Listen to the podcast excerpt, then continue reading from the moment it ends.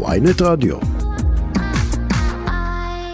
בואי נדבר עם יפה בן דוד באמת, יושב ראש היי, היית יפה. הסתדרות המורים. שלום, שלום ג'ודי. שלום יפה, מה שלומך? אני ידעתי שהמזכ"לית של ההסתדרות אה, בסוף תפתח את שנת הלימודים, ולא דיברתי עם יפה.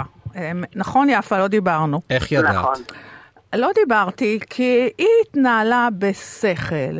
היא, היא לא החביאה את העובדה שמגיע למורים שעובדים, קוראים את התחת וחוטפים כל היום ממורים והורים שכר נורמלי, שיוכלו לגמור את החודש ולא יצטרכו לעבוד ב-19,000 עבודות. והיא. צריכה, היא לא התביישה, אתה מבין? כן, כי אוקיי. הרבה פעמים, רענן, אתה שומע כל מיני אנשים אה, בעבר, עטפו את זה בכל מיני דברים. היא? אמרה דוך. ג'ודי? נכון, יפה? זו, זו, זו הייתה מנה, מנה נאה של פופוליזם, עכשיו בואי נדבר ונשאל את יפה את? השאלות האמיתיות. שלום, אה, יפה בן דוד. זה לא היה פופוליזם. ש- שהוכרזה בעצם הבוקר כמנצחת, אם יש בכלל ניצחון בדבר הזה, אה, של המאבק הזה. אה, בסופו של דבר הניצחון שלך, אה, יפה, הוא ההפסד של כולנו. בסוף כל המורים מקבלים תוספת שכר רוחבית, המורים הפחות טובים יקבלו בדיוק כמו המורים היותר טובים, זאת אומרת אין שום תגמול על מצוינות פה כמו שקיווינו. אה, התאמת לוח החופשות של ההורים-מורים, שזה דבר ש- שאנחנו חייבים שיקרה, כמעט שלא קורה, יש שם שלושה ימי אסרו חג שבסוף הסכמתם אה, ללמד בהם וקיבלתם חזרה את הימים האלה אה, במקום אז מה אחר. ההישג אז שלכם? מה בעצם ההישג שלך? אנחנו לא... אני, אני לא מצליח להבין מה, מה השתנה פה, יפה טוב, בן אז- דוד. אז קודם כל הניצחון הוא לא שלי, אני חושבת שהניצחון הוא סך הכל הוא של כולם. אה, ונתחיל בתודות באמת, אני רוצה להודות לשרת החינוך דוקטור יפעת שאשא ביטון, שבאמת תמכה במאבק הזה, תמכה בצוותי החינוך, כי היא באה מהשטח ויודעת בדיוק מה קורה בשטח, כנ"ל אה, דלית שטאובר, המנכ"לית, שישבה באמת בכל ההסכם, וגם לשר האוצר אביגדור ליברמן, שכן השתתף בימים, ביומיים האחרונים, וגם לא עזב את המשרד, עד שבסופו של דבר... יצא אה, עשן כן לבן. וגם את הממונה על השכר, קובי בר נתן, וראש הממשלה, בסדר גמור. מעל. לעצם ועכשיו השאלות. לעצם השאלה. עכשיו לעצם השאלות. אה, אה, זה לא נכון. קודם כל, אני מאוד מפריע לי שכל הזמן מדברים על המורים שצריך לפטר, לפטר. לא מדברים על המורים ולא מדברים על הגנות על המנהלים המצוינים שיש במערכת. בכל מערכת אני הצעתי שנתגמל אותם יותר מאשר מורים פחות מצוינים. יש תגמולים ותכף אנחנו נדבר על, התגמולים. אז אה, אה, קודם כל יש תגמולים. דבר ראשון, כן, גם המורה המתחיל אה, אה, קפץ בשכרו, מתחיל ב-9,000 ש"ח, וכן, גם מגיע למורה הוותיק. המורה המנוסה שמחזיק את, המה, את התלמידים עם המקצועיות שלו ובאמת אה, עובד במסירות אה, רבה ואפילו חונך את המורים הצעירים. אז גם הוא עולה ב-1,100 ש"ח המינימום במקום 400 ש"ח שהאוצר אה, רצה. יפה, ועדיין. נושא של התגמולים. יש גמולים, גמולי, יחידות גמול, אה, גמולים שניתנו למנהלי בתי הספר בגובה של 36 אלף ש"ח, כך שמנהל בית ספר יוכל לת- לתגמל ולתת גמולים, אה, גמולי תפקיד, אה, למורים שמתקיימים.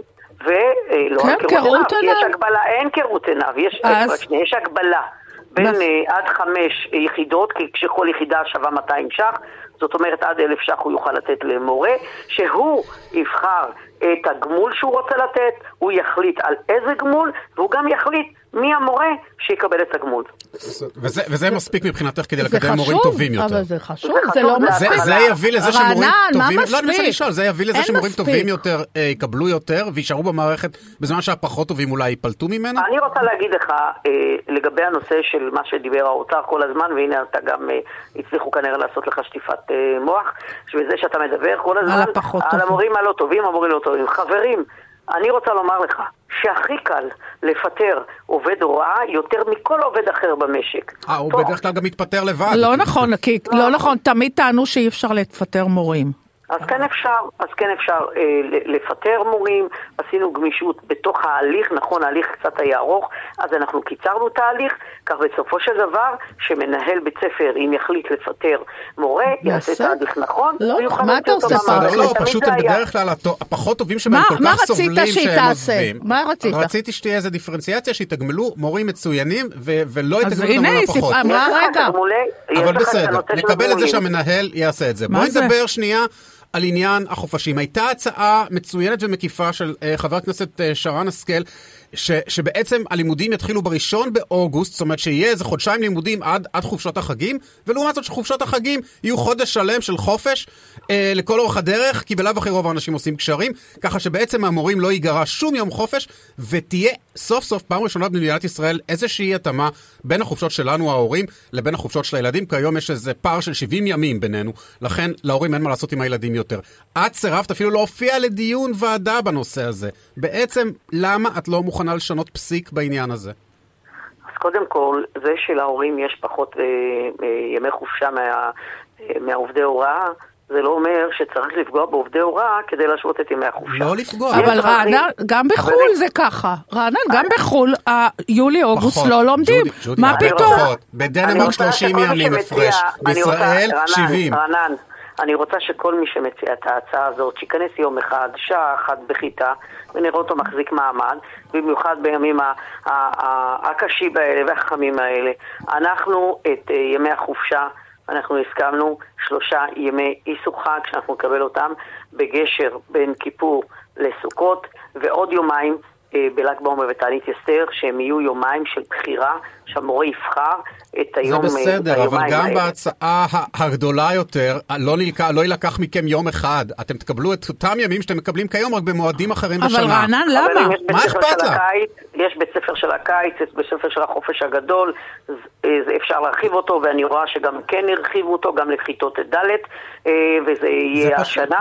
זה פחד אנחנו לא משינוי, צריכים להיות לא מוכנה הפתרון של. ההורים, אנחנו לא חברים, לא בייביסיטר שלכם ולא לא בייביסיטר קשור של אף לבייביסיטר. הורה, חד משמעית. ואנחנו לא ניתן שיפגעו לנו טוב. בחופשות. זה תגיד לי, סיסמאות, אף יפה. אחד לא פגע לכם, ולא- לא לא יפגע בחופשה. בצורה שבה אתה מציע. אני חושבת שאתה התוכנית טועה. שאני מציע, ששרן השכל מציע לא פגע ביום אחד חופשה. אבל רענן- אבל אף אחד לא מוכן לשמוע על רענן-. שרן השכל היא טובה לכם, היא לא טובה לנו. היא לא אוקיי. טובה קשה לי לנו. לראות איך היא לא טובה לכם. כשאתם נשארים על אותו מספר ימי חופשה. אבל עובדה שבכל העולם, כל בתי הספר לא עובדים ביולי-אוגוסט. חלק מזה זה מזג האוויר הבלתי נסבל ששורר, ו- וקשה להתרכז, והמורים עייפים. אבל זה אבל אידיוטי אותי... להתניע בראשון בס- בספטמבר, אבל כשאתה לא נעצר הגיוני. בחריקת בלמים פחות מחודש אחרי. בסדר, אבל זה לא הגיוני מה שאתה טוב, אומר. בסדר. אבל עוד- יפה, יש אנחנו- לי שאלה כן. אחרת.